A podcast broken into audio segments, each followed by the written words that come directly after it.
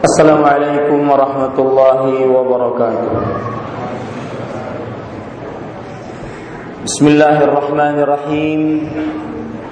إن الحمد لله نحمده ونستعينه ونستغفره ونعوذ بالله من شرور أنفسنا وسيئات أعمالنا. من يهده الله فلا مضل له ومن يضلل فلا هادي له. وأشهد أن لا إله إلا الله وحده لا شريك له وأشهد أن محمدا عبده ورسوله. يا أيها الذين آمنوا اتقوا الله حق تقاته ولا تموتن إلا وأنتم مسلمون. يا أيها الناس اتقوا ربكم الذي خلقكم من نفس واحدة وخلق منها زوجها وبث منهما رجالا كثيرا ونساء. واتقوا الله الذي تساءلون به والأرحام.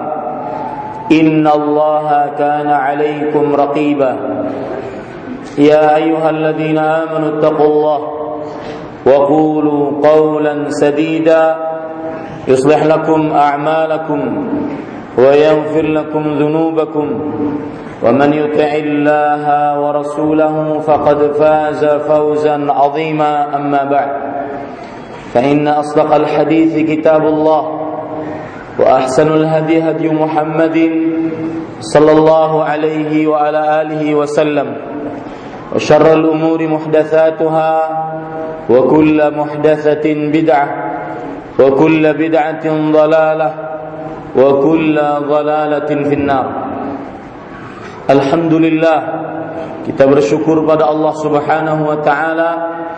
Pada hari ini 18 Rajab 1438 Hijriah kita kembali diberikan kemudahan oleh Allah Subhanahu wa taala untuk duduk di Masjid Al-Barakah demi mengkaji ayat-ayat suci Al-Quran dan hadis-hadis Rasul Sallallahu Alaihi Wasallam.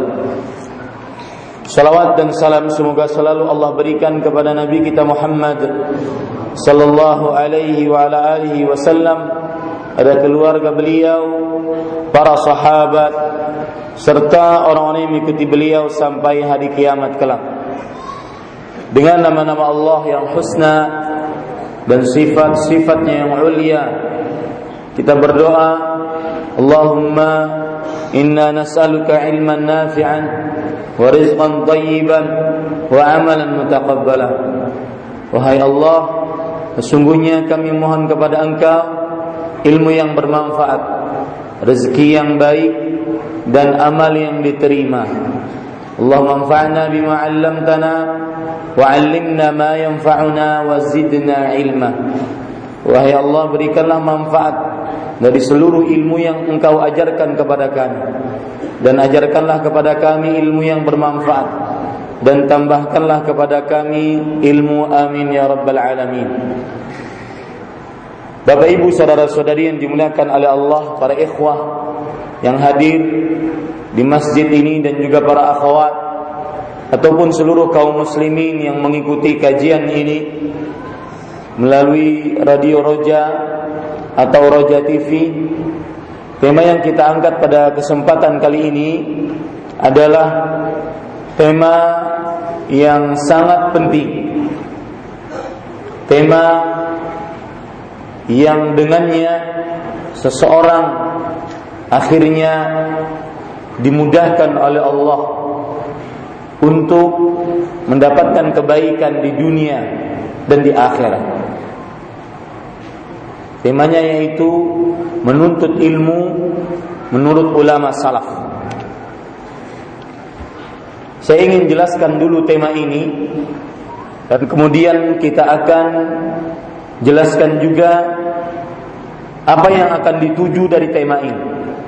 Kemudian baru kita akan menyebutkan poin-poin dalam tema ini. Temanya menuntut ilmu menurut ulama salaf. Menuntut ilmu yang dimaksud di sini adalah menuntut ilmu agama. yang dengannya seseorang bisa mempunyai bekal ilmu untuk bisa beramal dengan ilmu tersebut. Sehingga amal tersebut akhirnya Alhamdulillah sehingga dengan amal tersebut menjadi bekal nanti di hari kiamat di hadapan Allah Subhanahu wa taala.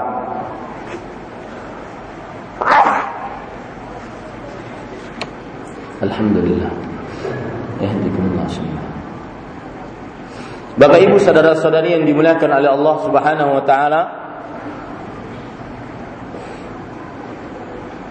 menuntut ilmu agama dari mulai Nabi Muhammad sallallahu alaihi wasallam. Kemudian para sahabatnya diikuti oleh para tabi'in dan para tabi'ut tabi'in. Kemudian para imam. Kemudian sampai ulama-ulama sekarang. Sampai para asatid kita. Senantiasa memberikan nasihat, anjuran, bahkan perintah untuk seorang muslim terutama seorang muslim yang bermanhaj ahlu sunnah wal jamaah berdasarkan pemahaman para salafus saleh senantiasa hidupnya lebih banyak diisi dengan menuntut ilmu agama Kenapa demikian? Dari mulai Nabi Muhammad sallallahu alaihi wasallam, para sahabat radhiyallahu anhum, para tabi'in, tabi'ut tabi'in yang akan kita baca nanti kelak. Perkataan-perkataan mereka, para imam rahimahumullah, sampai para ulama kita di zaman sekarang, sampai para pengajar-pengajar kita, senantiasa menganjurkan kita untuk menuntut ilmu agama? Jawabannya adalah karena menuntut ilmu agama adalah kewajiban. Dalam hadis riwayat Imam Ibnu Majah, Rasul sallallahu alaihi wa alihi wasallam bersabda, "Talabul ilmi fariidhatun ala kulli muslim." Menuntut ilmu adalah kewajiban bagi setiap muslim. Menuntut ilmu, ilmu yang dituntut adalah ilmu agama. Kewajiban faridah yang berarti sesuatu yang diperintahkan oleh syariat dengan perintah yang tegas yang diancam orang yang meninggalkannya dengan sengaja dengan siksa. Ala kulli muslim atas setiap muslim Kul adalah kata dalam bahasa Arab yang menunjukkan kata yang paling kuat menunjukkan kepada keseluruhan setiap muslim tanpa terkecuali. Diwajibkan untuk menuntut ilmu agama yang di kota, yang di desa, yang kaya, miskin, rakyat, pejabat, diwajibkan seluruh muslim menuntut ilmu agama. Sebab yang kedua, kenapa Nabi Muhammad sallallahu alaihi wasallam, para sahabatnya, para tabi'in, tabi'ut tabi'in dan seluruh ulama sampai sekarang senantiasa menganjurkan, memerintahkan, menasihatkan, mewasiatkan agar senantiasa menuntut ilmu agama Sebab yang kedua adalah ibadah kepada Allah yang merupakan tujuan penciptaan kita di dunia oleh Allah Subhanahu wa taala tidak akan tercapai kecuali dengan menuntut ilmu agama. Kecuali dengan ilmu agama. Ibadah tersebut tidak akan bisa kita laksanakan Kalaupun kita bisa laksanakan, tidak akan bisa kita laksanakan dengan maksimal tanpa ilmu agama. Salat misalkan, Rasulullah Sallallahu Alaihi Wasallam bersabda dalam hadis riwayat Bukhari secara muallak, Beliau bersabda, "Sallu kama raaitumuni usalli." Salatlah kalian sebagaimana kalian melihat aku salat. Salat tidak akan bisa kita laksanakan tanpa kita mempelajari perihal salat. Dan ketika berbicara salat, maka berbicara hal-hal yang berkaitan dengan syarat, rukun, kewajiban, kesunahan salat itu sendiri.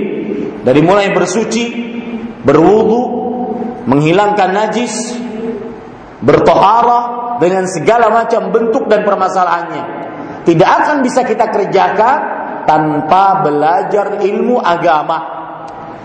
Ini sebab kenapa kita diperintahkan oleh Rasul Sallallahu Alaihi Wasallam. Kemudian dianjurkan oleh para sahabat, para tabiin sampai ulama sekarang untuk senantiasa menuntut ilmu agama ibadah yang merupakan tujuan kita tidak akan bisa kita laksanakan dengan maksimal. Haji dan umrah misalkan. Nabi Muhammad sallallahu alaihi wasallam bersabda dalam hadis riwayat Imam Muslim dari Jabir bin Abdullah radhiyallahu anhuma, "Lita'khudhu manasikakum." Dalam riwayat yang lain, "Khudhu anni manasikakum."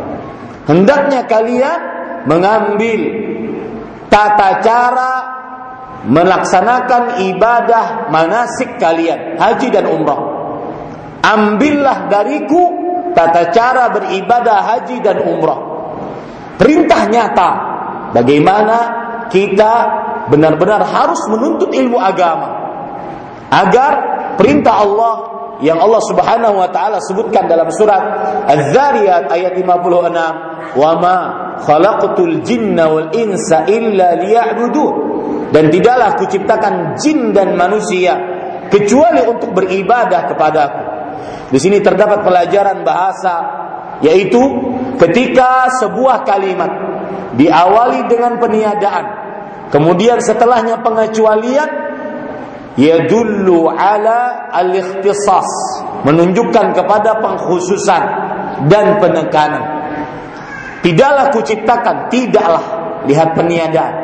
Kuciptakan jin dan manusia kecuali lihat pengecualian untuk beribadah kepadaku. Artinya Anda, saya, Bapak, Ibu, saudara-saudari sekalian dan seluruh umat manusia tidak ada lain tujuan kita hidup di dunia kecuali beribadah hanya kepada Allah Subhanahu wa taala.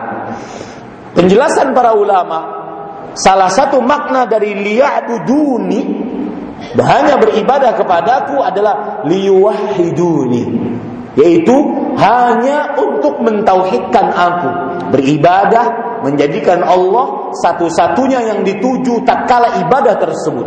Akidah tauhid ini tidak akan kita bisa dapati kecuali dengan mempelajari ilmu agama.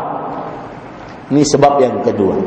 Sebab yang ketiga kenapa Nabi Muhammad wasallam mewajibkan untuk menuntut ilmu agama dan juga para sahabat, para tabiin sampai ulama-ulama di zaman sekarang. Mereka sangat menganjurkan untuk menuntut ilmu agama. Bahkan ada perkataan Imam Asy-Syafi'i rahimahullah, beliau mengatakan, "Laisa syai'un afdala ba'da al-fariidhah min talabil ilm." Tidak ada sesuatu apa pun karena di sini disebutkan dalam bentuk peniadaan dan setelahnya nakirah yang menunjukkan kepada keumuman. Peniadaan setelahnya nakirah menunjukkan kepada keumuman. Tidak ada sesuatu apa pun yang lebih utama setelah mengerjakan amalan-amalan wajib dibandingkan menuntut ilmu agama.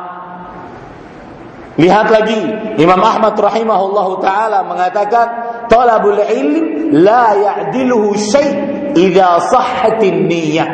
Menuntut ilmu agama tidak ada yang menandinginya amalan yang tidak ada yang menandinginya jika niatnya benar. Bapak Ibu saudara-saudari yang dimuliakan oleh Allah, apa sebab? Sebab yang ketiga yaitu seseorang akan benar-benar terlepas dari kerugian ketika dia beriman, kemudian beramal saleh, kemudian berdakwah dan sabar dalam dakwahnya. Orang Setiap jenis manusia akan terlepas dari kerugian, keburukan, kemalangan, kenistaan, kecuali ketika dia mempunyai sifat empat ini: beriman, beramal saleh, berdakwah, dan sabar tatkala berdakwah. Dan empat perkara ini tidak bisa dikerjakan kecuali dengan ilmu agama. Tidak bisa dikerjakan kecuali dengan ilmu agama. Sedikit tadi saya menyinggung tentang tauhid. Seseorang tidak akan bisa bertauhid tanpa ilmu agama. Tidak tahu apa itu syirik. Tidak tahu apa itu syirik asgar, syirik kecil. Maka dia akan berantakan ibadahnya. Ibadah yang banyak akan tetapi dipenuhi dengan kesyirikan tidak ada manfaatnya. Dalam hadis riwayat Imam Muslim, Allah Subhanahu wa taala berfirman, "Ana aghna syuraka 'ani syirik. Man 'amila 'amalan asyraka fihi ma'iya ghairi, taraktuhu wa syirkahu." Artinya, aku kata Allah Subhanahu wa taala, zat yang sangat tidak membutuhkan sekutu.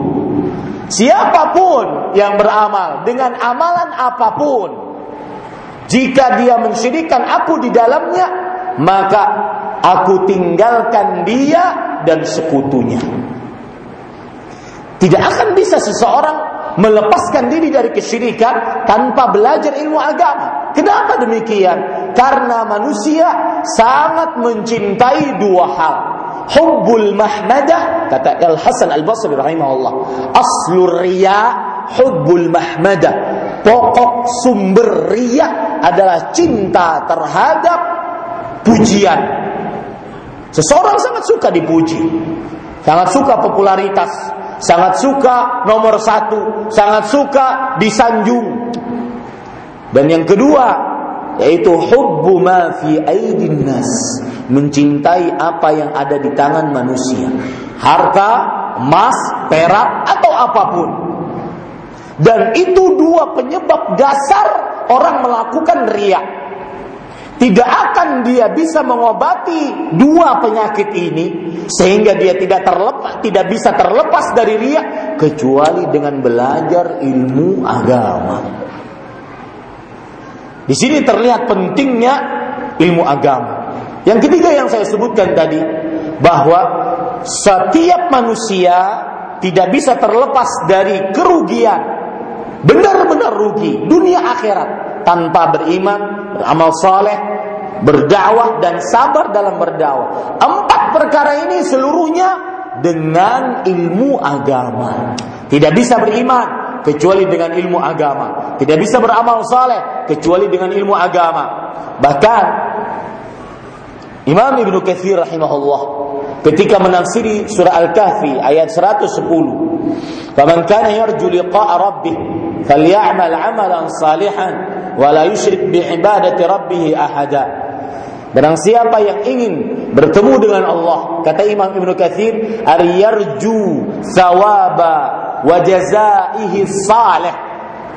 Dia berharap pahala dan ganjaran amal salehnya. Siapa yang ingin bertemu dengan Allah, mendapatkan ganjaran pahala amal solehnya, maka hendaklah dia mengerjakan dua hal.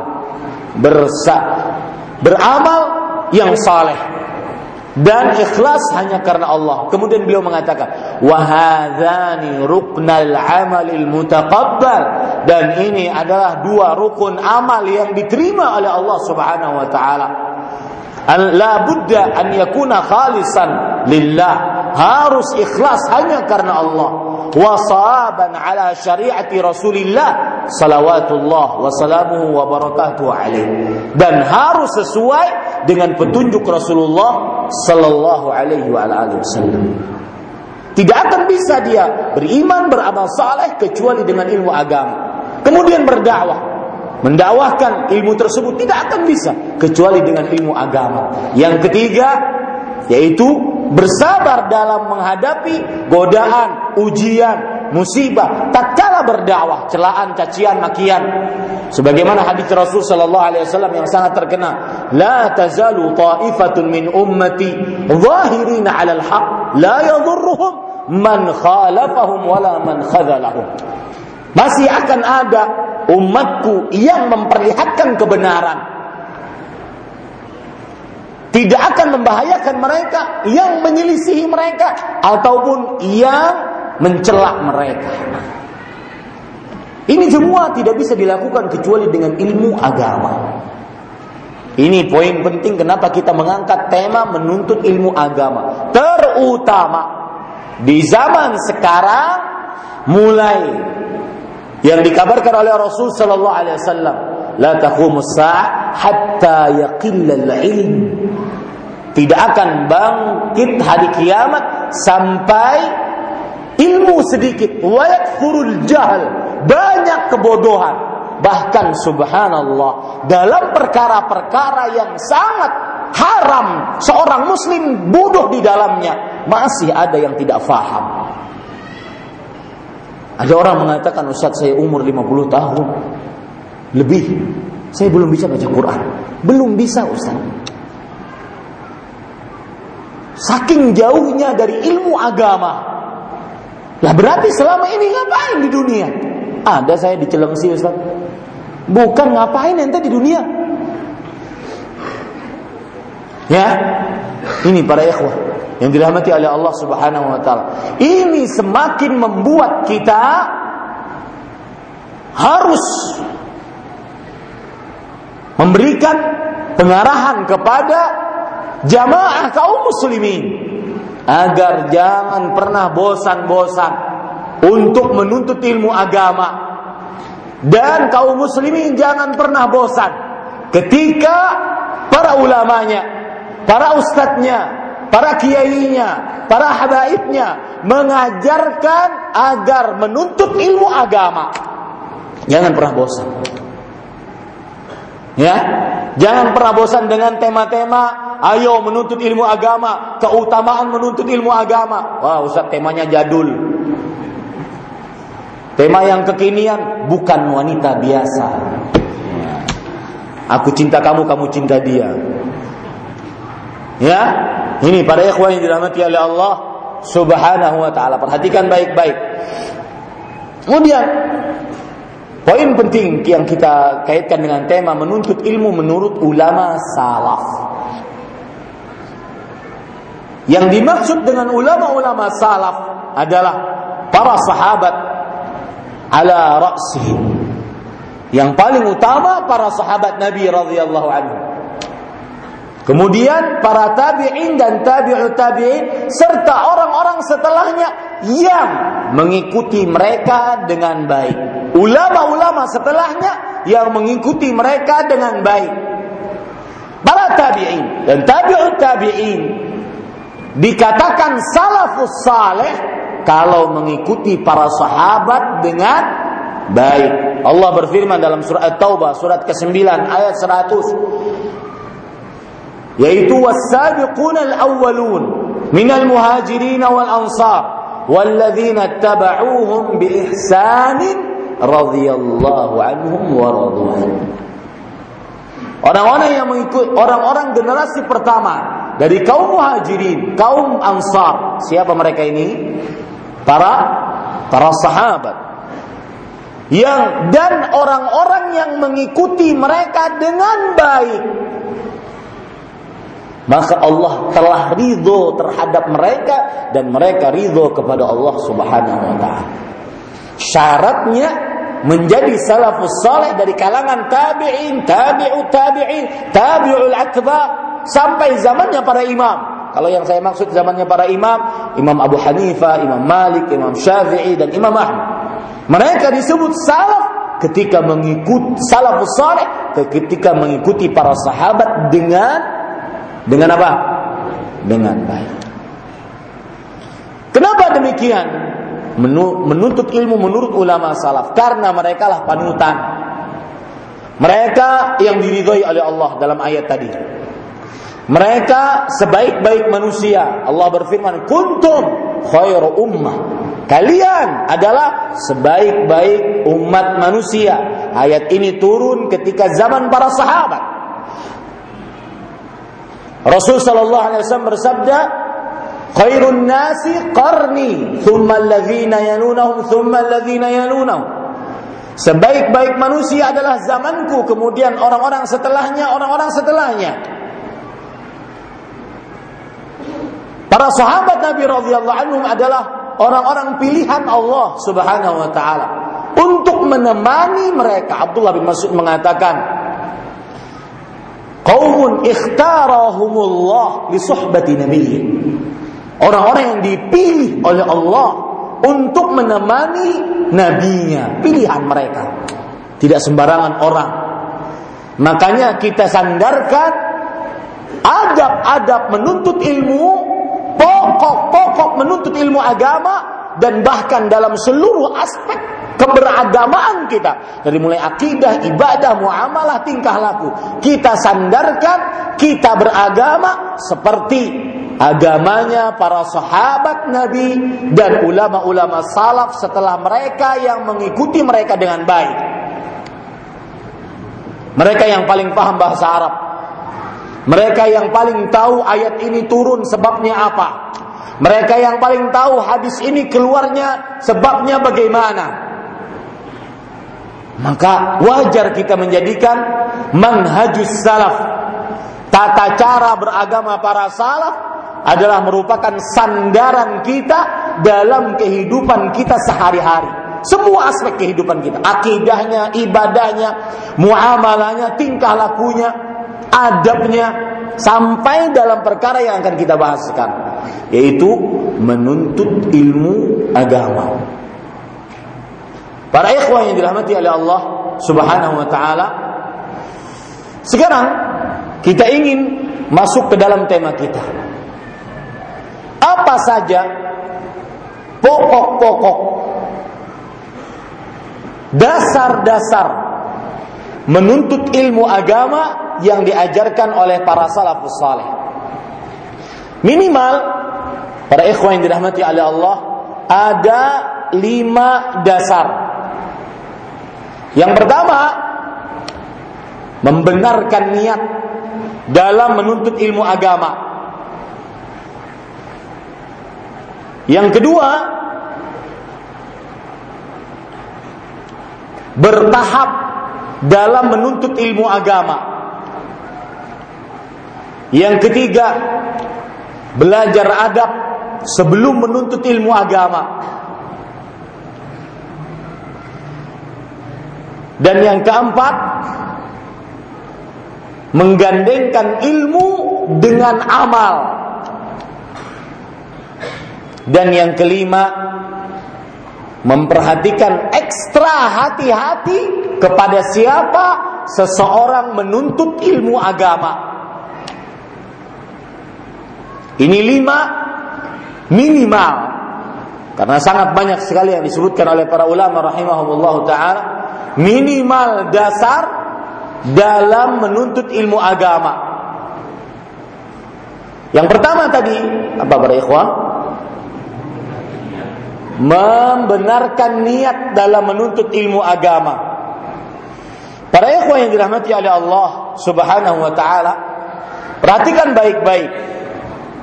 Menuntut ilmu adalah ibadah. Bahkan ibadah yang sangat agung. Terdapat keutamaan-keutamaan yang sangat luar biasa dari menuntut ilmu agama.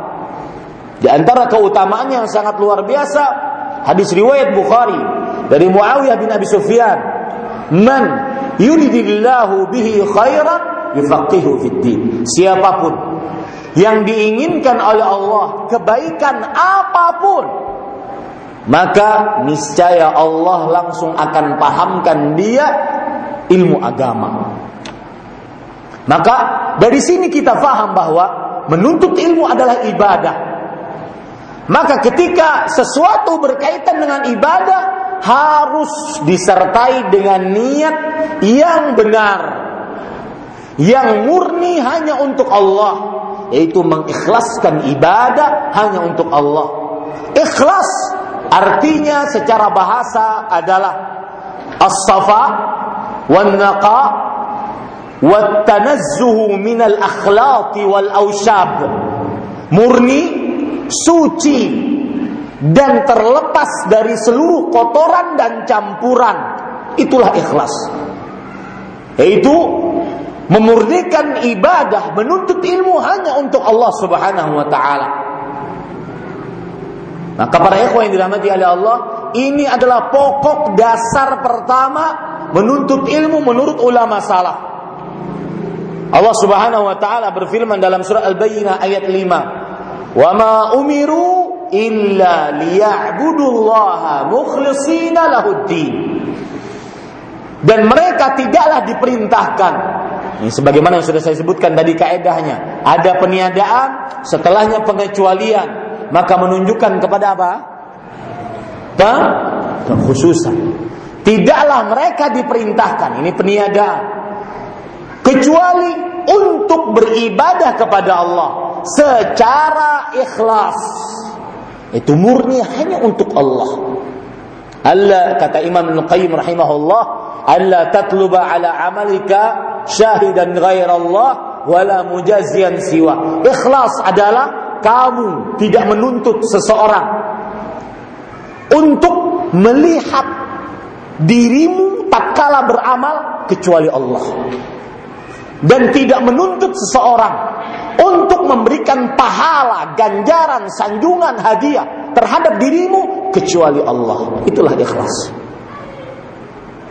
Ini para ikhwah dalam Pokok ajaran salaf tentang menuntut ilmu, pokok yang pertama adalah membenarkan selalu niat dalam menuntut ilmu agama, yaitu hanya untuk Allah Subhanahu wa taala. Dan bahkan dan ini ini kaidah dalam beragama.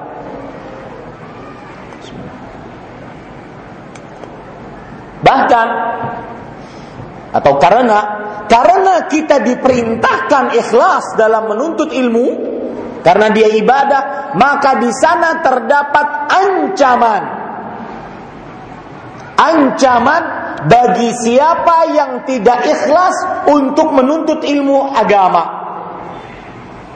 Terdapat apa? Ancaman bagi siapa yang tidak ikhlas dalam menuntut ilmu agama. Perhatikan hadis berikut, ancaman bagi yang tidak ikhlas dalam menuntut ilmu agama.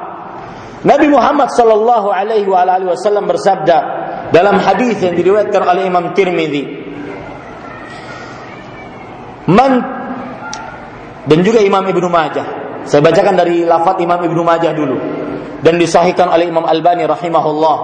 Man ta'allama al-ilma liyubahiya bihi al-ulama'a aw yujariya bihi sufaha'a au yasrifa bihi wujuhan nasi ilai adkhalahu Allahu jahannam. Siapa pun man itu adalah ismul mausul dan ismul mausul seluruhnya menunjukkan kepada keumuman. Makanya diterjemahkan sering dalam bahasa Indonesia barang siapa. Saya lebih lebih suka menerjemahkan siapa pun karena menunjukkan kepada keumuman siapa pun yang men menuntut ilmu dengan tujuan berbangga-bangga di hadapan para ulama. Membanggakan dirinya di hadapan para ulama, paling pintar, paling menguasai permasalahan, paling paling paling. Atau meremehkan orang-orang bodoh, menghina orang-orang bodoh, oh dasar dungu ente, belum belajar apa? Dasar enggak. Ya. Atau agar wajah-wajah manusia seluruhnya menuju kepada dia. Popularitas. Maka pasti lihat pasti kaidah menyatakan bahwa apabila ada kalimat syarat kemudian setelahnya jawaban syarat dalam bentuk fi'il madhi menunjukkan kepada kepastian seperti misalkan Kalimat yang sering kita dengar, menjada wajada. Siapa pun yang bersungguh-sungguh wajada, wajada fi'il madhi, kata kerja yang telah lampau. Yang apabila diletakkan dalam jawaban sebuah syarat, maka menunjukkan kepastian, pasti dapat. Siapa yang bersungguh-sungguh pasti niscaya dapat. Begitu juga firman Allah misalkan dalam Al-Qur'an, Allah Subhanahu wa taala berfirman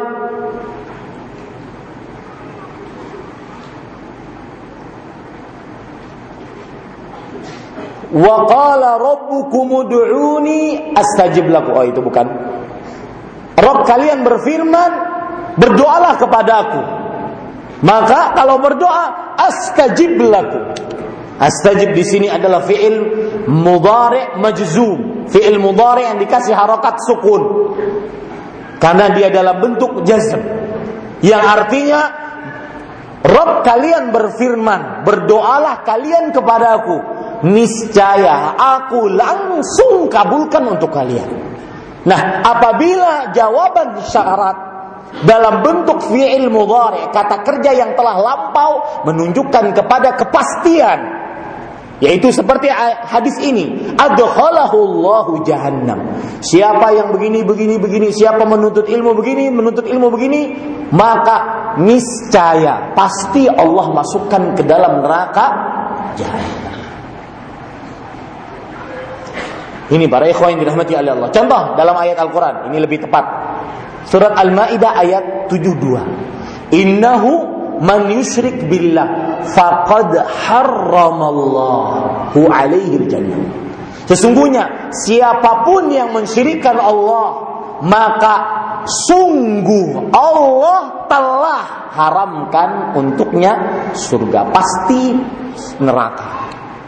Sama ini, siapa saja yang menuntut ilmu agama untuk membar berbangga diri di hadapan para ulama, meremehkan orang-orang bodoh, mencari popularitas, maka niscaya pasti Allah telah masukkan ia ke dalam neraka jahanam. Ini semua penjelasan dari bahasa tadi untuk penekanan.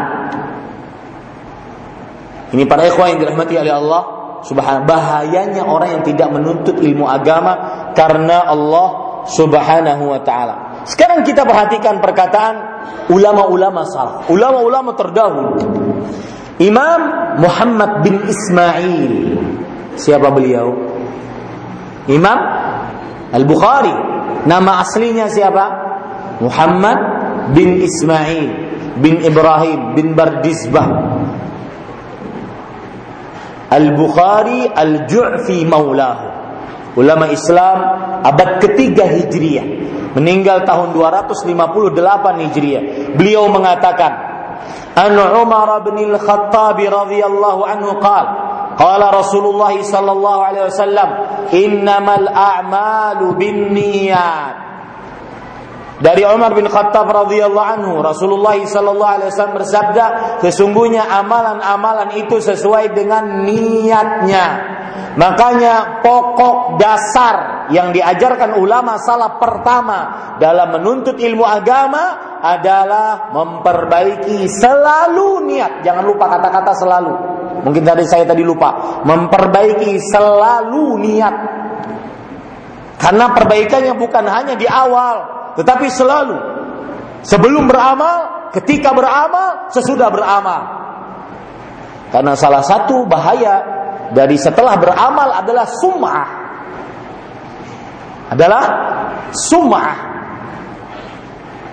Para ikhwan yang dirahmati oleh Allah Subhanahu wa taala, ada perkara menarik tentang sum'ah. Salah saya lupa ulama salaf mengatakan bahwa sum'ah bedanya dengan ria adalah an yukfiya amalan lillah thumma yusmi'uhu li ghairihi. Seseorang beramal sembunyi sendirian karena Allah. Tapi kemudian mungkin kok nggak ada yang muji saya ya. Kok ada nggak ada yang menyanjung saya. Akhirnya dia harus cerita. Walau dengan isyarat. Ini disebut dengan apa? Sumah. Beda dengan ria, ria beramal.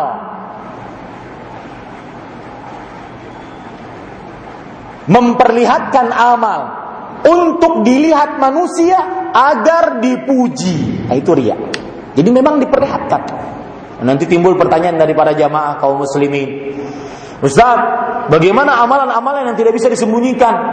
Bagaimana sembunyi kalau haji? Sembunyi kalau umroh. Eh, ente kenapa nggak sholat jamaah? Takut ria Ustaz.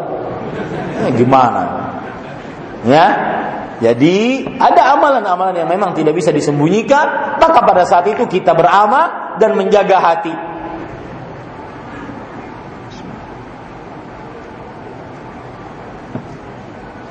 Rasulullah SAW tadi bersabda, Innamal a'malu bin niat.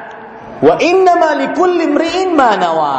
Dan setiap orang akan mendapatkan apa yang dia niatkan. Para, para ulama menjelaskan bahwa penggalan pertama dari hadis innamal a'malu bin niat.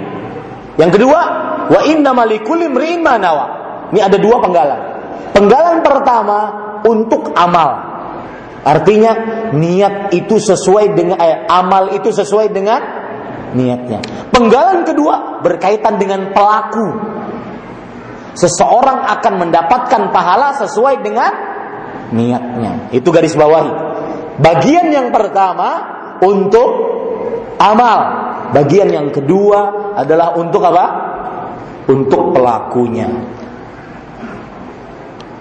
Para ikhwan yang dirahmati oleh Allah Subhanahu wa taala. Perhatikan lagi Bahayanya orang yang tidak ikhlas tatkala menuntut ilmu agama. Dalam hadis riwayat Imam Muslim, Muslim bin Hajjaj bin Muslim An-Naisaburi. Ulama hadis abad ketiga Hijriyah, beliau meninggal tahun 261 Hijriyah. Uh, ada pelajaran menarik, mungkin azan setelah ini sudah masuk waktu isya. Ya, saya minta satu menit lagi. Uh, ada pelajaran menarik antara Imam Bukhari dan Muslim, yaitu fastabiqul khairat.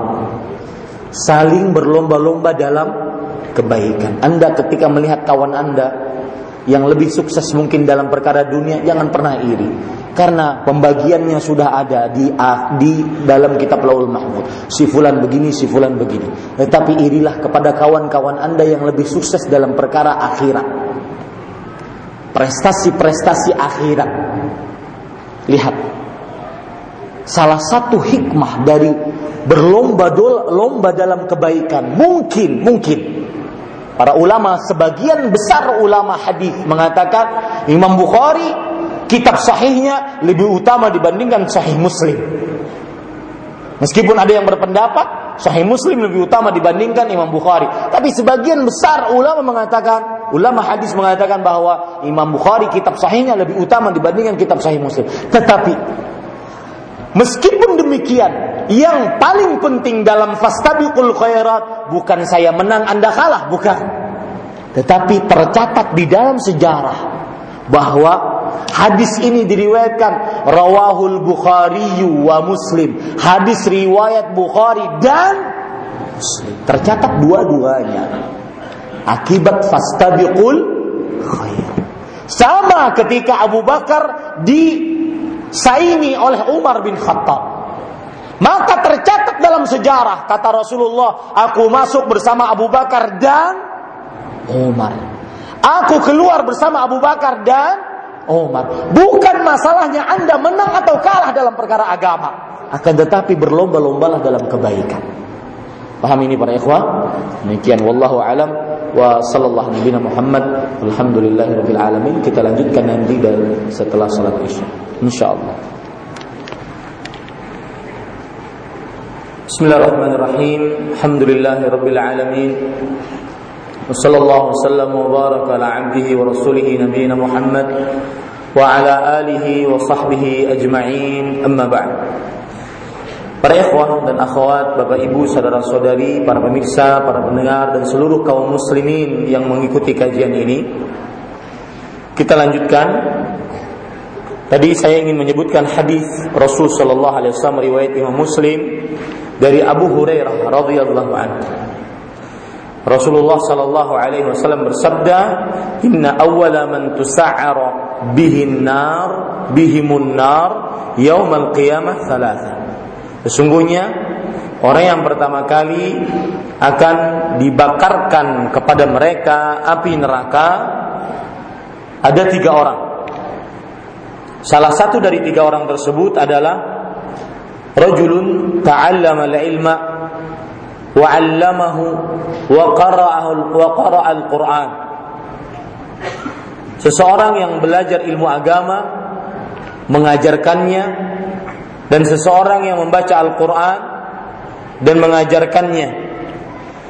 Akan tetapi ketika di hari kiamat ditanya oleh Allah Fama amilta fiha Apa yang engkau kerjakan dengan ilmumu Ia menjawab, "Ta'allamtul ilma wa 'allamtuhu wa qara'tul Qur'ana wa qara'tu fikal Qur'an." Aku belajar ilmu dan aku mengajarkannya. Aku membaca Al-Qur'an karenamu. Maka Allah menjawab, "Kadzabta."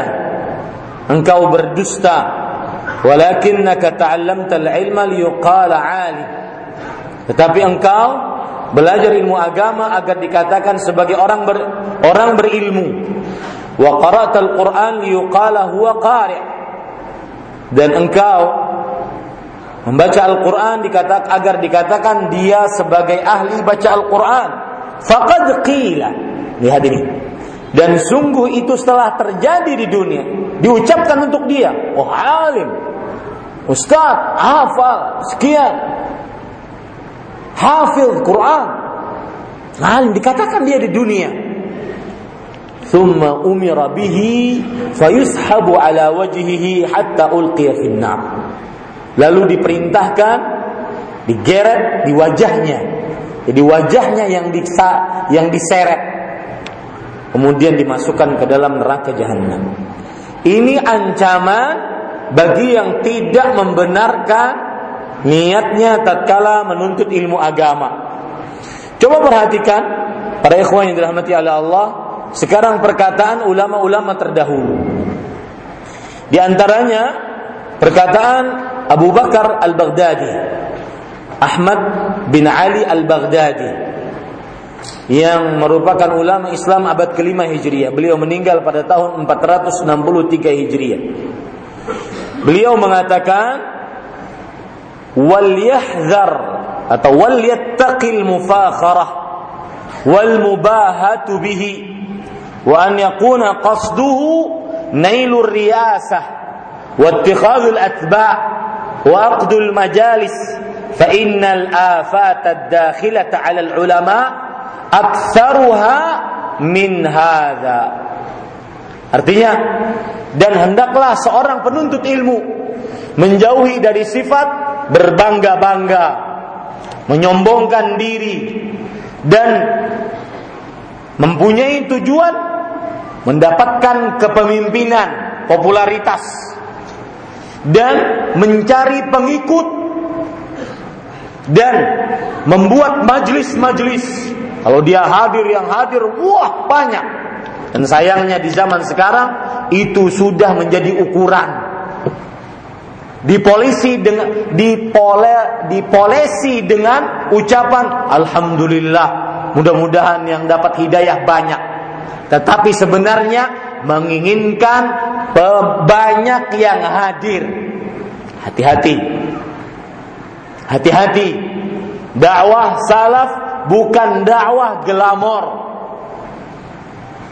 Salah satu keinginan agar hadir banyak dihadirkanlah Tema-tema yang kadang-kadang membuat seseorang bisa hadir banyak. Tema-tema yang semestinya di sana ada yang lebih utama. Yang lebih yang lebih prioritas akidah, manhaj, sunnah. Ya pernah juga mengisi kajian dengan judul kedudukan sunnah dalam Islam.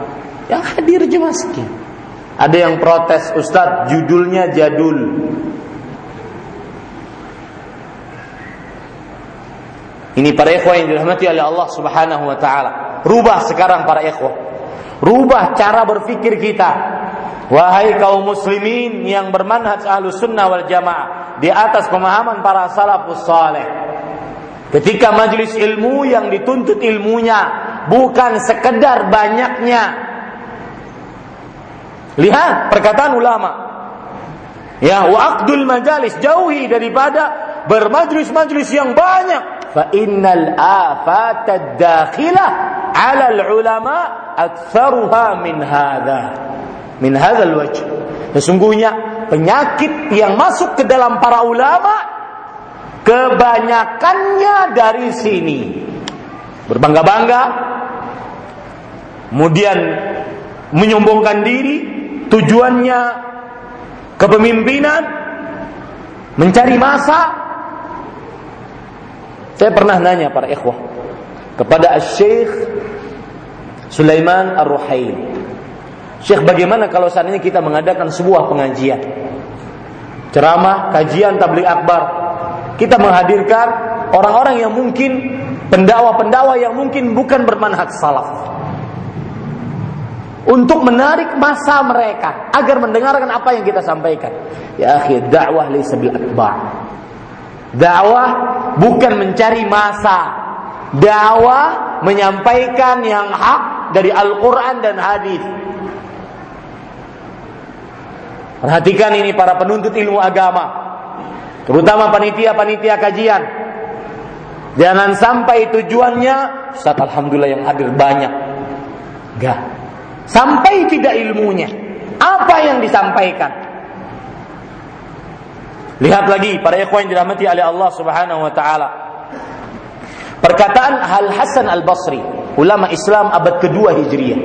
Ini orang rahimahullah, ulama ini bertemu dengan kibarus sahabah.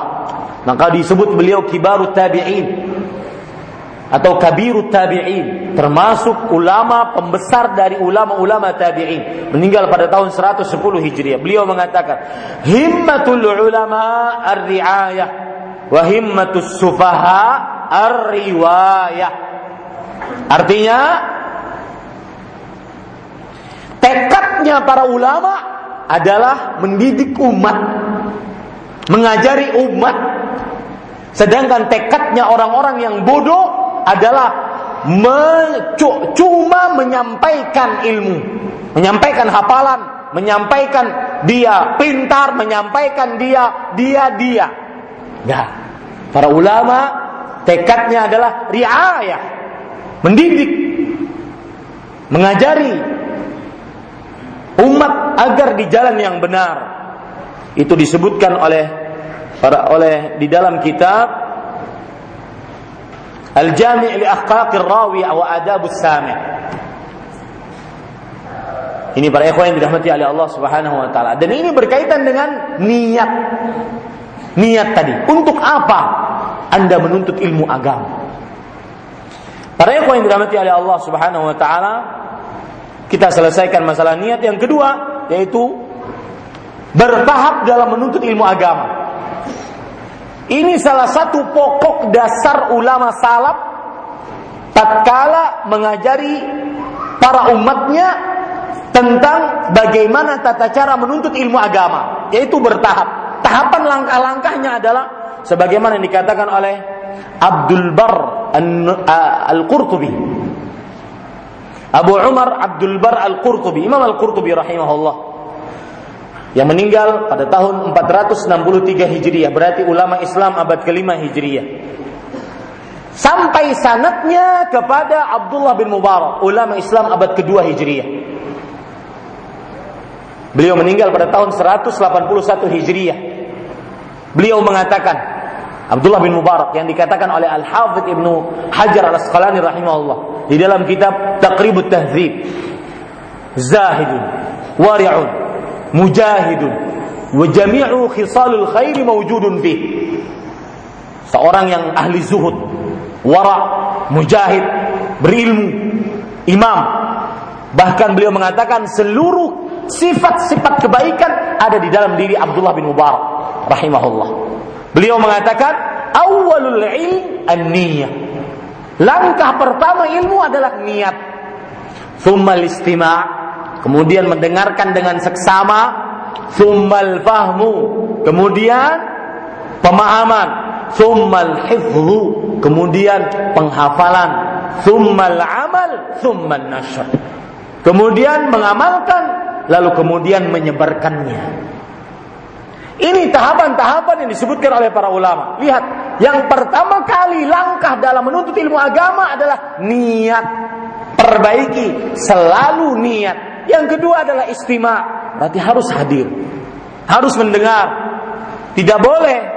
Dan ini bedanya Pak, majelis ilmu yang Anda hadir langsung di hadapan pengajarnya dengan majelis ilmu yang mungkin Anda sekarang mendengar radio, mendengar televisi. Mungkin kita bisa mengerjakan mendengarnya, akan tetapi istima beda dengan sama. Istima, lihat Allah berfirman dalam Al-Qur'an, "Wa idza quri'al Qur'an fastami'u lahu wa ansitu la'allakum turhamun. Jika dibacakan Al-Qur'an, maka dengarkanlah dengan seksama la'allakum turhamun. Fastami'u. Saya, saya bacakan para ikhwan yang dirahmati oleh Allah Subhanahu wa taala apa maksud daripada fastami'u. Istima artinya mendengarkan dengan seksama, tidak mendengarkan kepada yang lain. Beda dengan sama. Jika dibacakan kepadamu Al-Quran, dengarkanlah dengan seksama. Wa situ dan diamlah berusaha memahami apa yang dibaca. Hadir hatinya tatkala dia dibacakan kepadanya Al-Quran. Ini para ikhwan yang dirahmati oleh Allah. Maka sifat yang kedua, tahapan yang kedua dalam menuntut ilmu agama adalah istima'. Ayat tadi saya sebutkan tadi ayat surat Al-A'raf surat ke-7 ayat 204.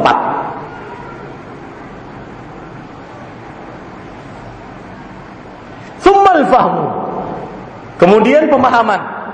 Ini menunjukkan ketika kita mendengar harus kita pahami. Jangan sampai hanya sekedar mendengar tetapi tidak paham, maka tidak jadi ilmu. Sebagaimana perkataan Abdullah bin Mas'ud radhiyallahu anhu, "Al-fahmu, al-fahmu, al-fahmu, thumma al-amal." Pemahaman, pemahaman, pemahaman kemudian beramallah. Pemahami, memahami dulu apa yang disampaikan. Ini menuntut kita kalau tidak paham kita bertanya. Sebagaimana hadis Rasul sallallahu alaihi wasallam riwayat Imam Abu Daud, "Innama syifa'ul 'ayyi su'al." Sesungguhnya obat kebodohan adalah bertanya agar paham. Jangan hanya sekedar mendengar tetapi tidak paham. Kemudian thummal hifdhu. Kemudian penghafalan. Karena yang namanya ilmu adalah yang dihafal bukan yang hanya sekedar ditulis dihafal sehingga mudah mengamalkannya kemudian summal amal lalu diamalkan. Nanti kita akan bahas ini. Salah satu pokok dasar yang diajarkan ulama salaf dalam menuntut ilmu agama adalah iqtiranul ilmi bil amal. Menggandengkan ilmu dengan amal. Buahnya ilmu adalah beramal. Maka doa yang saya bacakan tadi Allahumma inni as'aluka ilman nafi'an. Doa riwayat Muslim dari Ummu Salamah. Beliau bercerita Nabi Muhammad sallallahu alaihi wasallam senantiasa selalu setiap setelah selesai salam salat subuh beliau mengucapkan doa ini. Allahumma inni as'aluka ya Allah aku memohon kepadamu ilman nafi'an. Ilmu yang bermanfaat saya pernah mendengar penjelasan dari Syekh Abdul Razak bin Abdul Muhsin Hafizahumullah Ta'ala Beliau mengatakan Ini menunjukkan bahwa ada ilmu yang bermanfaat Ada ilmu yang tidak bermanfaat. Karena Rasul Sallallahu Alaihi Wasallam meminta ilmu yang bermanfaat. Ini pula menunjukkan bahwa ilmu yang bermanfaat adalah Alladhi yaqtarinu ma'ahu al-amal Yang mengajak kita untuk beramal. Maka perhatikan Sudah berapa tahun anda nuntut ilmu agama sudah berapa tahun Anda ikut kajian? Sudah berapa tahun Anda kenal dakwah sunnah ini? Sudah berapa banyak ilmu yang telah kita amalkan? Kalau tidak, presentasinya sangat jauh. Sebagaimana disebutkan oleh Allah, tilka kismatun diza. Itu adalah perbandingan yang sangat jauh. Ilmunya banyak, tetapi amalnya tidak. Ya, maka para ikhwah yang dirahmati oleh Allah, ini bukan ilmu yang bermanfaat beramallah. Nanti kita akan jelaskan insyaallah taala. Summan nasyar, setelah diamalkan maka didakwahkan. Yang ketiga, beradab sebelum menuntut ilmu agama. Terkenal di kalangan para ulama salaf dahulu bahwa mereka senantiasa mengirimkan anak-anak mereka yang masih balita yang masih bad di atas lima tahun di bawah sepuluh tahun ke tempat orang-orang yang ahli mengajarkan adab Kalau di zaman kita sekarang mungkin ada PAUD, ada kutab, begitu ya. Mengajarkan adab, mengajarkan Al-Quran, mengajarkan kepada mereka ilmu-ilmu bacaan dan penulisan. Ini terkenal. Di kalangan ulama salaf mengirimkan anak-anaknya yang masih balita, yang masih di bawah 10 tahun sebelum mumayyiz untuk pergi kepada guru-guru yang mengajarkan adab. Karena memang salah satu pokok dasar sebelum menuntut ilmu agama adalah beradab. Lihat perkataan Sufyan ibn Sa'id ibn Masruq al-Thawri, Imamul Muhaddithin, ulama Islam abad kedua Hijriah, meninggal pada tahun 161 Hijriah. Beliau mengatakan, kan la yukhrijuna abna'ahum li talabil ilm hatta yata'addabu wa yata'abbadu 20 sana. Mereka ini ulama Islam abad ke-161 eh abad kedua Hijriah. Berarti ketika belajar beliau mengatakan mereka itu maksudnya bisa dua, imma tabi'ut tabi'in atau tabi'in atau para sahabat. Mereka senantiasa tidak mengeluarkan anak-anak mereka untuk menuntut ilmu agama sampai mereka belajar adab dan sampai mereka belajar ibadah selama 20 tahun. Lihat. Ini para ikhwan yang dirahmati oleh Allah Subhanahu wa taala. Perkataan-perkataan tadi disebutkan di dalam kitab Hilyatul Aulia ditulis oleh Ibu Abu Nuaim Al-Asfahani rahimahullah. Lihat lagi Selanjutnya perkataan yang lain yaitu belajar adab dulu sebelum menuntut ilmu agama.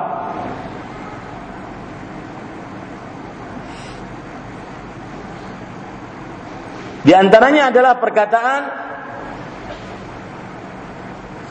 Abdullah bin Mubarak rahimahullah. Beliau mengatakan, "Talabtul adaba 30 sana wa talabtul ilma 20 sana." Wa kanu yatlubuna al-adaba qabla al-ilm. Aku menuntut adab 30 tahun. Dan aku menuntut ilmu 20 tahun. Dan mereka para tabi'in, para sahabat menuntut adab sebelum ilmu. Itu kebiasaan mereka. Maka di zaman sekarang kalau orang menuntut adab dulu sebelum berilmu, dia akan lebih santun tatkala menuntut ilmu agama. Dalam bertanya, dalam mendiskusi ustadznya. Ini para ikhwan yang dirahmati oleh Allah. Pernah ada seorang yang bertanya tentang perkara-perkara yang saya melihatnya tidak terlalu penting untuk para pemula penuntut ilmu agama. Perkara-perkara yang berkaitan dengan fitnah, perkara-perkara yang berkaitan dengan hajar, boykot, memboykot, maka saya katakan wahai saudaraku, mohon maaf. Lebih baik menanyakan sesuatu yang lebih bermanfaat dibandingkan ini. Eh marah. Dibilang seperti itu marah.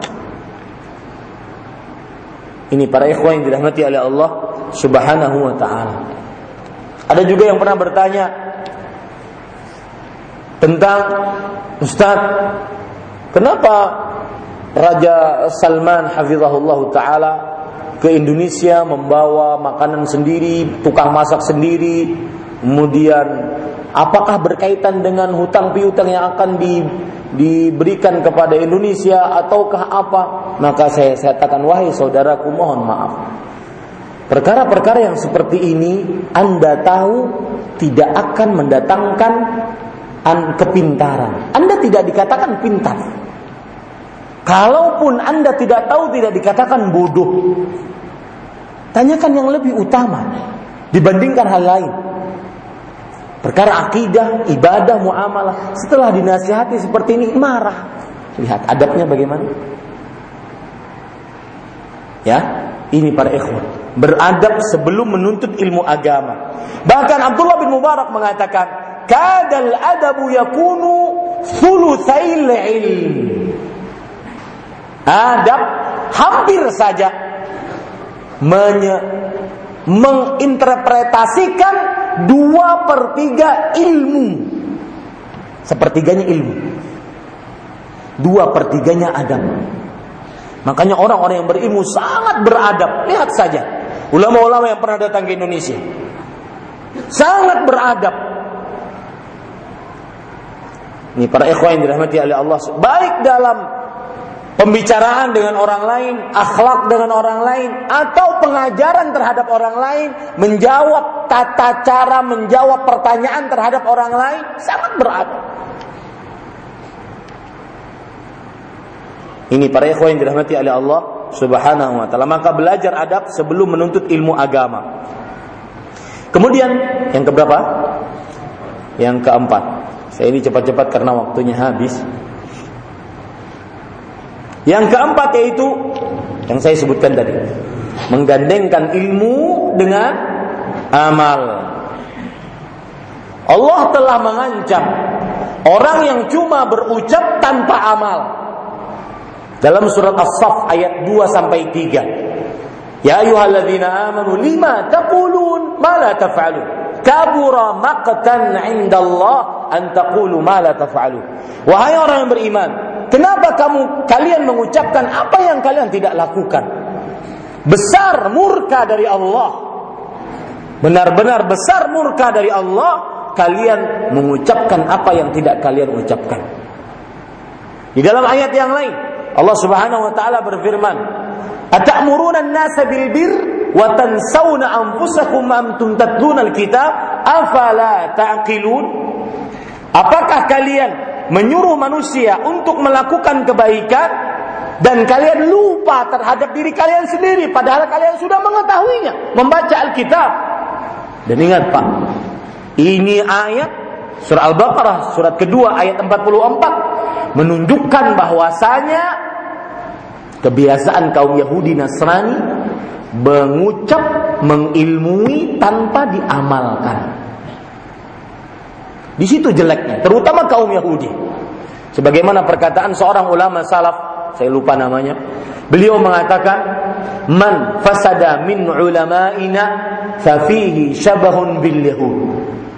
Barang siapa yang rusak dari orang-orang yang berilmu di antara kita, maka di dalamnya terdapat keserupaan dengan kaum Yahudi. Kaum Yahudi mendapatkan al-maghdubu alaihim, gelar kaum yang dimurkai oleh Allah. Sebabnya kenapa? Berilmu tanpa amal. Mengetahui ada nabi paling terakhir dan mereka baca itu di dalam kitab Taurat mereka. Tetapi ketika diutus Nabi tersebut bahkan mereka mengetahuinya, ya'rifunahu kama ya'rifuna abna'ahum. Mengetahui Nabi Muhammad sallallahu alaihi wasallam seperti mengetahui anak-anak mereka. Persis. Tahu sifat-sifatnya, tapi setelah diutus ternyata bukan dari bangsa mereka, mereka tidak mau beriman. Kebiasaan kaum Yahudi berilmu dan tidak mengamalkan ilmunya. Para ikhwan yang dirahmati oleh Allah, Ma'ruf hadis yang sudah kita kenal di riwayat Muslim dari Usama ibnu Zaid, orang yang nanti cuma bisa berdakwah, bisa mengajarkan ilmu tapi tidak mengamalkannya. Nah, bagaimana siksanya? Ada yang tahu hadisnya? Siksanya di neraka bagaimana? Ada yang tahu hadisnya? Orang yang dulunya mungkin amar ma'ruf nahi mungkar mengajarkan ilmu, tapi dia sendiri tidak mengerjakan yang ma'ruf. Dia sendiri melanggar yang mungkar. Ah, siksanya di akhirat bagaimana? Tandaliku aktabu. Maka usus-usus perutnya nanti akan tercerai berai, kemudian dia berputar-putar di neraka. Bahayanya orang yang tidak mengamalkan ilmunya. Dan salah satu pertanyaan nanti di hari kiamat, Dalam hadis yang diriwayatkan oleh Imam At-Tirmidzi dari Abu Barza Al-Aslami bahwa yang akan ditanya nanti kita tidak akan bergeser kedua telapak kaki kita dari Allah kecuali ditanya wa an ilmihi fima amil? Tentang ilmunya mada amila fi? Apa yang telah dia amalkan? Dan saya berpesan Pak semakin tinggi tingkat keilmuan seseorang dan semakin dia tidak beramal, semakin besar siksanya di sisi Allah. Ya Allah, Ustadz, kenapa saya nuntut ilmu kalau begitu? Maka jawabannya, kalau tidak menuntut ilmu, Anda tidak bisa beramal. Ini berarti ke depan kena, ke belakang kena. Iman, ibadah harus dengan ilmu. Ketika sudah berilmu, harus diamalkan. Makanya para ulama mengatakan al-ilmu wal amalu syai'an mutalaziman la yanfakku ahaduhuma anil akhar. Ilmu dan amal sesuatu dua hal yang saling berkaitan satu dengan yang lainnya tidak akan pernah terpisah dari keduanya dari salah satunya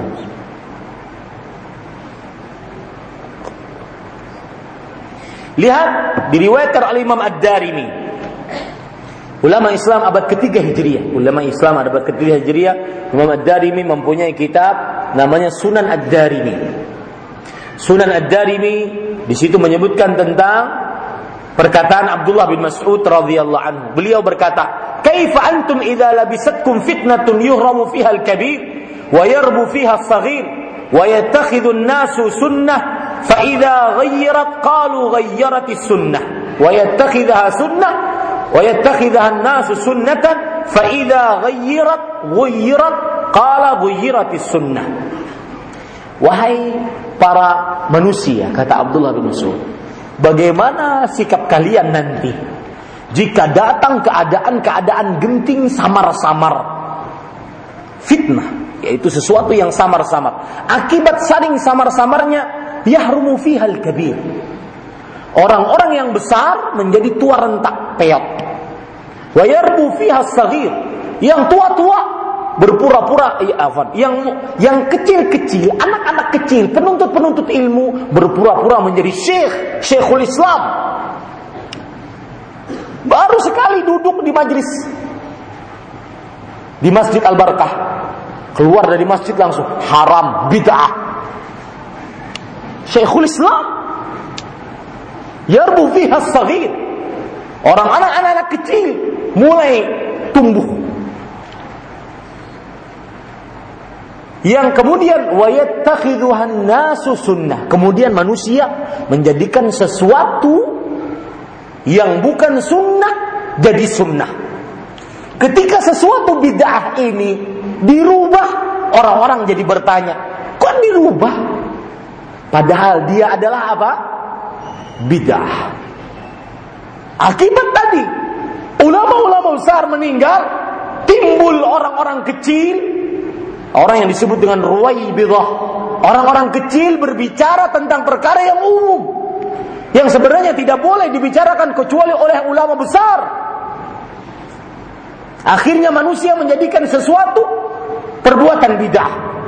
Dianggap sebagai sunnah. Ketika bidah yang dianggap sunnah ini dirubah maka manusia heran, kok sunnah dirubah padahal dia adalah apa? Bid'ah. Kemudian Abdullah bin Mas'ud ditanya, "Wa mata dzalika ya Abu Abdurrahman?" Kapan itu terjadi wahai Abu Abdurrahman kunyahnya Abdullah bin Mas'ud radhiyallahu anhu. Beliau mengatakan, "Idza kathura kathura qurra'ukum wa qallat fuqaha'ukum."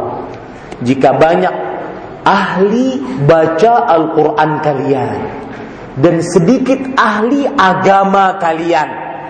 Tidak semua yang hafal Quran disebut ahli agama. Ingat tuh baik-baik. Tidak asal dia hafal Quran kemudian disebut syekh enggak ya akhi. Kasurat umara'ukum wa qallat umana'ukum. Banyak pemimpin kalian, tetapi sedikit yang amanah. Wal tumisati dunya bi'amalil akhirah. Dan dunia dicari dengan amalan akhirat. Hati-hati. Ini para ikhwan yang dirahmati oleh Allah Subhanahu wa taala. Lihat apa kaitannya ini dengan ilmu diamalkan. Kaitannya adalah orang-orang yang tidak faham ilmu agama mendeklarasikan dirinya sebagai ahli ilmu agama. Akhirnya memberikan fatwa yang menyesatkan kepada umat, dia pun tidak mengamalkan ilmu agama. Ini para ikhwan yang dirahmati oleh Allah Subhanahu wa taala. Lihat perkataan Imam Muhammad bin Muslim bin Syihab Az-Zuhri. Ini ulama terkenal dari ulama hadis abad kedua Hijriah yang meninggal pada tahun 125 Hijriah beliau mengatakan inna lil ilmi ghawail. Sesungguhnya ilmu itu mempunyai ghawail. Saya tidak tahu apa arti ghawail tetapi sepertinya penyakit. Famin ghawailihi an yatrukal ilmu an yat an yutrakal amalu bih hatta yadhhab. Termasuk penyakit ilmu adalah meninggalkan amal dengan ilmu tersebut sampai hilang ilmunya Waman an-nisyan wa min ghalai al-kadzib wa. Termasuk daripada penyakit ilmu lupa. Dan termasuk dari penyakit ilmu adalah dusta dalam ilmu. Ini hati-hati. Ya, yang ngajari ilmu ilmunya tidak benar, ini berdusta terhadap kaum muslimin. Maka saya berpesan di zaman sekarang, jangan seasalnya nuntut ilmu agama, sedikit ceramahnya di uh, sosial media bisa me, apa namanya melembutkan hati, bisa menangiskan hati, bisa menangiskan uh, mata, maka ayo undang-undang Ustaz itu, undang. Kayaknya bagus tuh kajian. Enggak ya. Harus yang dicari adalah seorang yang benar-benar pantas dituntut ilmu agamanya. Bukan hanya sekedar penyampai ilmu tetapi dia memang berilmu agama. Bedakan antara hanya sekedar qurra dengan faqih. Ahli baca Quran. Bagus hafalannya. Tetapi tidak faqih penyampaian ilmu agama tidak berdasarkan perkataan-perkataan pemahaman-pemahaman ulama salafus saleh Hati-hati para ikhwan. Yang kelima yang terakhir sudah terlalu malam kita ini selalu di masjid ini kurang waktunya ya. Yang kelima yang ter terakhir ini paling penting ini salah satu terpenting. Kelima bukan bukan berarti cuma lima ini saja pokok dasar menuntut ilmu menurut ulama salaf, tetapi minimal lima ini yaitu apa tadi? sangat berhati-hati kepada siapa menuntut ilmu agama. Dan ini sudah dikenal dari mulai zaman para sahabat, para tabi'in. Lihat di zaman para sahabat mereka mengatakan, "Sammu lina rijalakum." Coba sebutkan perawi-perawinya siapa, maka kami akan terima hadisnya. Gak sembarangan untuk ilmu agama. Lihat perkataan Imam Malik rahimahullah. Atau kita sebutkan dulu perkataan yang lebih lebih tua. Imam Ibnu Sirin. Muhammad bin Sirin. Seorang tabi'i terkenal. Disebutkan di dalam kitab Muqaddimah Sahih Muslim. Inna hadzal ilma din. Fanzuru amman ta'khuduna dinakum Ilmu ini adalah agama maka perhatikan kepada siapa kalian mengambil agama kalian karena dengan ilmu kita ingin beramal, amal menjadi bekal di hadapan Allah Subhanahu wa taala. Maka jangan sembarangan menuntut ilmu agama. Jadi perkataan beliau ini, asar dari ini, dari beliau ini adalah perkataan penting di dalam permasalahan-permasalahan talakil ilm, yaitu menuntut langsung ilmu agama. Maka tidak boleh yang tidak pantas dituntut ilmunya kita jadikan sebagai orang yang mengajari kita ilmu agama. Tidak boleh. La yumakkan lahu li li, uh, li. Tidak, di, tidak tidak diberikan tempat untuknya untuk men, menyampaikan ilmu agama karena tidak pantas. Ini para ikhwah. Kemudian Imam Malik rahimahullah taala mengatakan sebelumnya ada perkataan dari Rasul sallallahu alaihi wasallam hadis Rasul riwayat Imam Baihaqi tentang hal ini juga. Dan disahihkan oleh Imam Albani rahimahullah yahmilu hadzal ilma min qali min kulli khalafin udul. Akan membawa ilmu ini dari orang-orang yang khalaf ter, orang yang akan datang yang paling adilnya Tugasnya apa mereka? Yunfuna anhu tahrifal ghalin. Menafikan dari ilmu-ilmu ini penafsiran-penafsiran dari orang-orang yang terlalu berlebihan. Wantihalul mubtilin. Dan juga penyimpangan-penyimpangan dari orang-orang yang ahli batil. Wa ta'wilul jahili dan penafsiran orang-orang bodoh menafsirkan ayat Al-Quran seenaknya, hadis Rasul seenaknya, nggak pantas dituntut ilmunya. Karena ilmu ini agama. Dan tidak bisa kita baper di sini nggak bisa. Ya, ilmu ini agama. Lihat Imam Malik rahimahullah taala mengatakan, la yu'khadhul ilmu an arba'ah. Tidak diambil ilmu dari empat orang. Safihun mu'linus safah dungu yang menyebab yang mem, memperlihatkan kedunguannya. Ini nggak boleh tuntut ilmunya. Wasahibu hawa yad'u ilaih. Pengikut hawa nafsu yang mengajak kepada hawa nafsunya. Pengikut pengekor bid'ah yang mengajak kepada kebid'ahannya. Wa rajulun ma'rufun bil kadhib seorang yang terkenal dengan dusta fi ahadithin nas. Ketika berbicara dengan manusia. Wa in kana la yakdzibu ala rasul sallallahu alaihi wasallam. Meskipun dia mungkin tidak berdusta atas nama rasul sallallahu alaihi wasallam. Tapi ketika kalau ngomong sama manusia dia terkenal dustanya. Ini tidak pantas dituntut ilmunya wa rajulun lahu fadlun wa salah la yu'rafu ma. Seseorang terkenal dengan keutamaan, kesolihan, tapi dia tidak paham apa yang dia ucapkan. Ini nggak pantas dituntut ilmunya.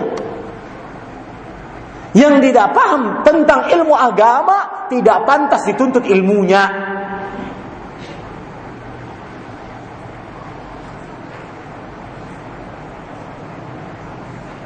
Lihat Imam Al-Barbahari rahimahullah mengatakan, "Wal mihnatu fil Islami bid'ah."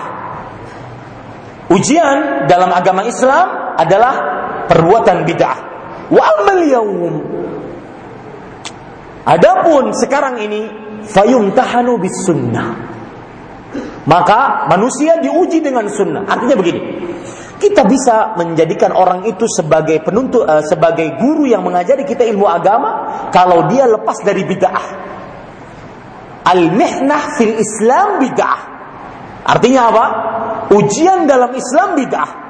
Orang yang teruji, dia jauh dari bid'ah pantas dituntut ilmunya. Tapi kata beliau, amal beliau hari ini di zaman beliau Imam Al-Barbahari itu ulama keberapa?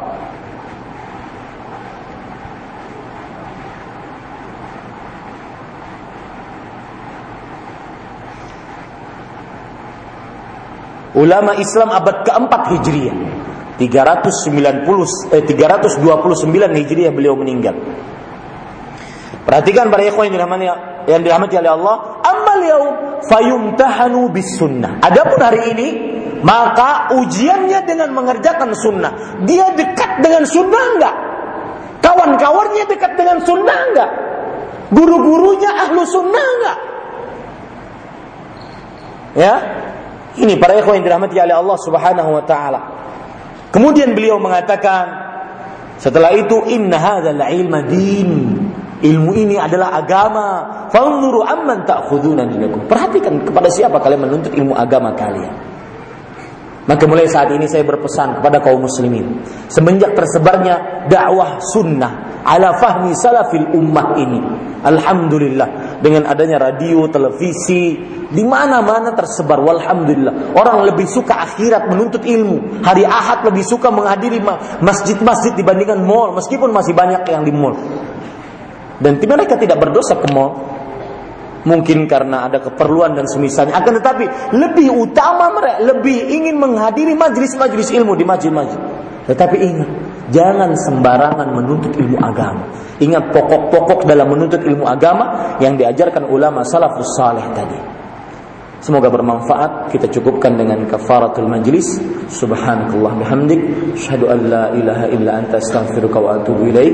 Wassalamualaikum warahmatullahi wabarakatuh.